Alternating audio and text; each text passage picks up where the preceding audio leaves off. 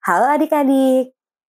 Kali ini saya akan membacakan buku berjudul Creole. Cerita oleh Stephen Cosgrove, ilustrasi oleh Robin James. Buku Creole ini merupakan seri serendipity yang dapat kamu pinjam di perpustakaan NTB. Yuk kita simak ceritanya.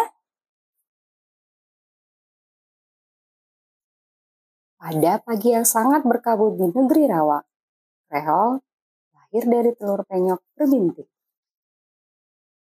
Ia berbadan besar, gemuk, dan sangat-sangat jelek. Ada kutil di jari-jari tangannya, di jari-jari kakinya, lututnya bertulang menonjol, dan hidungnya pesek besar. Di balik penampilannya yang sangat jelek, ia mempunyai hati yang sangat indah, yang tidak pernah ada di tempat lain di dunia ini. Karena hatinya yang indah, Kreol memiliki pikiran yang paling indah yang bisa dipikirkan. Ia memikirkan tentang kasih sayang, karena hatinya penuh kasih sayang. Ia berpikir tentang kebahagiaan, karena hatinya penuh kebahagiaan. Dan ia memikirkan kelembutan, karena ia adalah makhluk yang paling lembut. Hari demi hari, ia duduk sendirian mencium bunga-bungaan dan berbicara dengan pohon-pohon yang tumbuh di rawa. Suatu hari, ketika ia duduk di dekat pohon magnolia, Reol berpikir, mungkin aku harus membagikan kasih sayang dan kebahagiaanku dengan makhluk lain di rawa. Maka, sambil berpikir begitu, ia berangkat untuk mencari hewan lain yang mau menjadi sahabatnya. Walaupun rawa itu biasa sangat ramai dengan suara para hewan yang tinggal di sana, mendadak menjadi sunyi setiap kali kreo lewat. Burung-burung tidak bersuara, posum duduk diam, dan buaya-buaya menyelinap pergi. Mereka semua berpikir karena kreo sangat gemuk dan jelek. Pasti ia juga jahat. Kreol mencari dan mencari, tetapi ia tidak bisa menemukan teman sama sekali. Akhirnya, dengan air mata sebesar semangka menetes ke kakinya, ia duduk dengan suara keras di batang pohon besar yang sudah tumbang dan terus menangis. Mengapa tidak ada yang mau mendengarku? Sedunya. Aku cuma ingin mempunyai teman untuk berbagi pikiranku yang bahagia.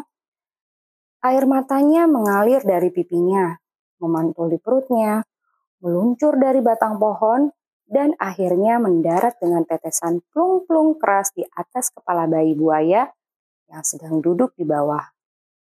Buaya kecil itu memandang berkeliling untuk mencari siapa yang melemparinya dengan air.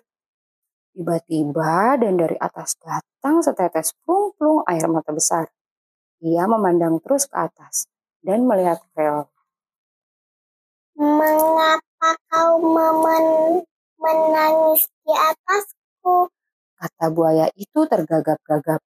Kreol memandang ke bawah dan melihat buaya paling kecil dan menyedihkan yang pernah ia lihat. Maaf, katanya terseduh. Aku tidak tahu kau ada di bawah sana. Aku tidak pernah ingin menyakiti siapa pun. Sambil menghapus air mata dari matanya, Mendadak, Kreol menyadari buaya kecil itu tidak berlari dan bahkan berbicara dengannya. Mengapa kau tidak kabur seperti yang lain? Tanya Kreol. Soalnya aku be be berharap kau mau menjadi temanku. Kata buaya itu tergagap. Buaya lain selalu menertawakan aku karena aku gagal dan tidak bisa berbicara dengan lancar. Mereka saling memandang dan menyadari mereka berdua sedang mencari teman. Lama sekali Kreol dan teman barunya duduk dan berbagi persahabatan.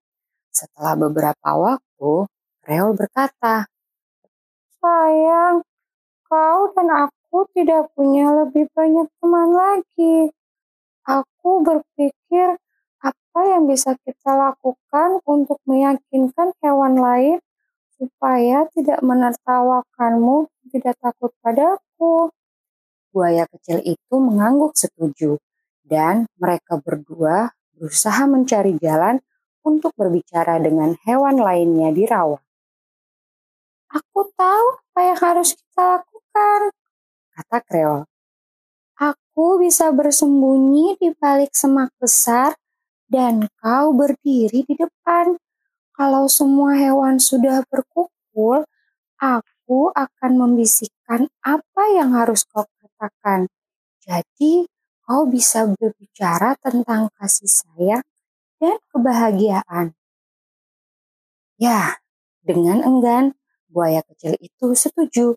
Dan ketika kreol bersembunyi di balik semak bilak, dengan gugup ia memanggil hewan-hewan lain. Dua kali ia begitu ketakutan sampai berusaha bersembunyi.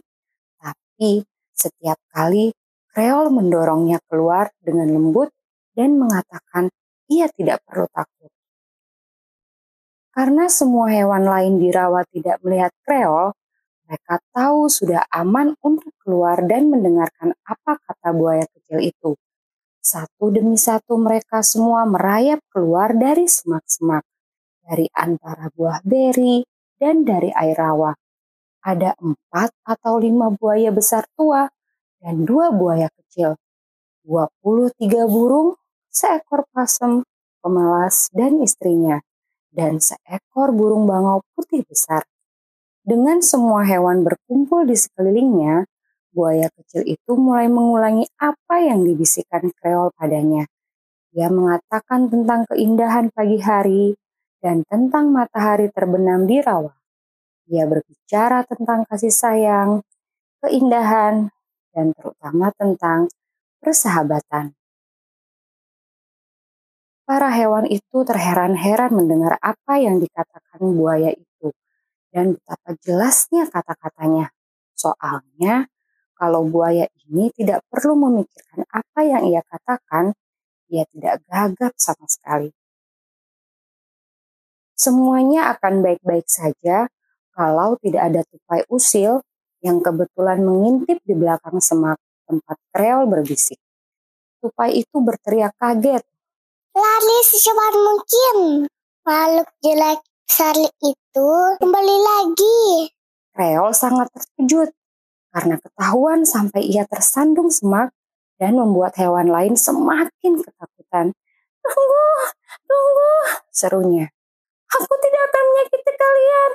Kami hanya ingin menjadi teman kalian. Tapi tidak ada hewan yang mau mendengarkan. Dan sambil saling menubruk, mereka berlarian. Buaya kecil itu mengejar mereka, berteriak dengan suara sangat jelas. Berhenti!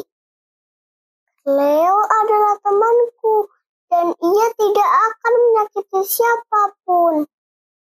Hewan-hewan lain yang saat ini sedang bersembunyi di semak-semak mendengarkan buaya kecil itu dan Mendadak seekor burung hantu tua yang bijaksana berbicara dari dahan di atas pohon pinus. Mungkin kita harus percaya padanya, katanya. Karena temannya yang jelek ini, Creole, telah membuatnya tidak gagap lagi. Memang benar, dalam ketegangan ketika para hewan saling berkejaran, buaya kecil itu tidak gagap sama sekali. Dengan malu-malu, semua hewan kembali ke tempat di mana Kreol menunggu dengan sedih dengan buaya kecil itu di depannya. Kreol, kata buaya kecil itu. Semua teman-temanku di rawa menyesal lah nilaimu dari lupamu. Tapi kalau kau mau memaafkan mereka, mereka senang sekali mendengar kau berbicara tentang kebahagiaan di hatimu. Dengan senyum lebar di atas air matanya, Kreol memeluk satu demi satu para hewan dan mereka semua menjadi sahabatnya. Jangan menilai seseorang dari wajah dan rupanya. atau sebuah buku dari bentuk sampulnya. Karena di balik halaman usang itu banyak yang bisa ditemukan. Nah, gimana? Bagus kan ceritanya? Banyak sekali pesan-pesan moral yang kita bisa dapat dari cerita ini. Tunggu seri serendipity selanjutnya ya. Bye-bye.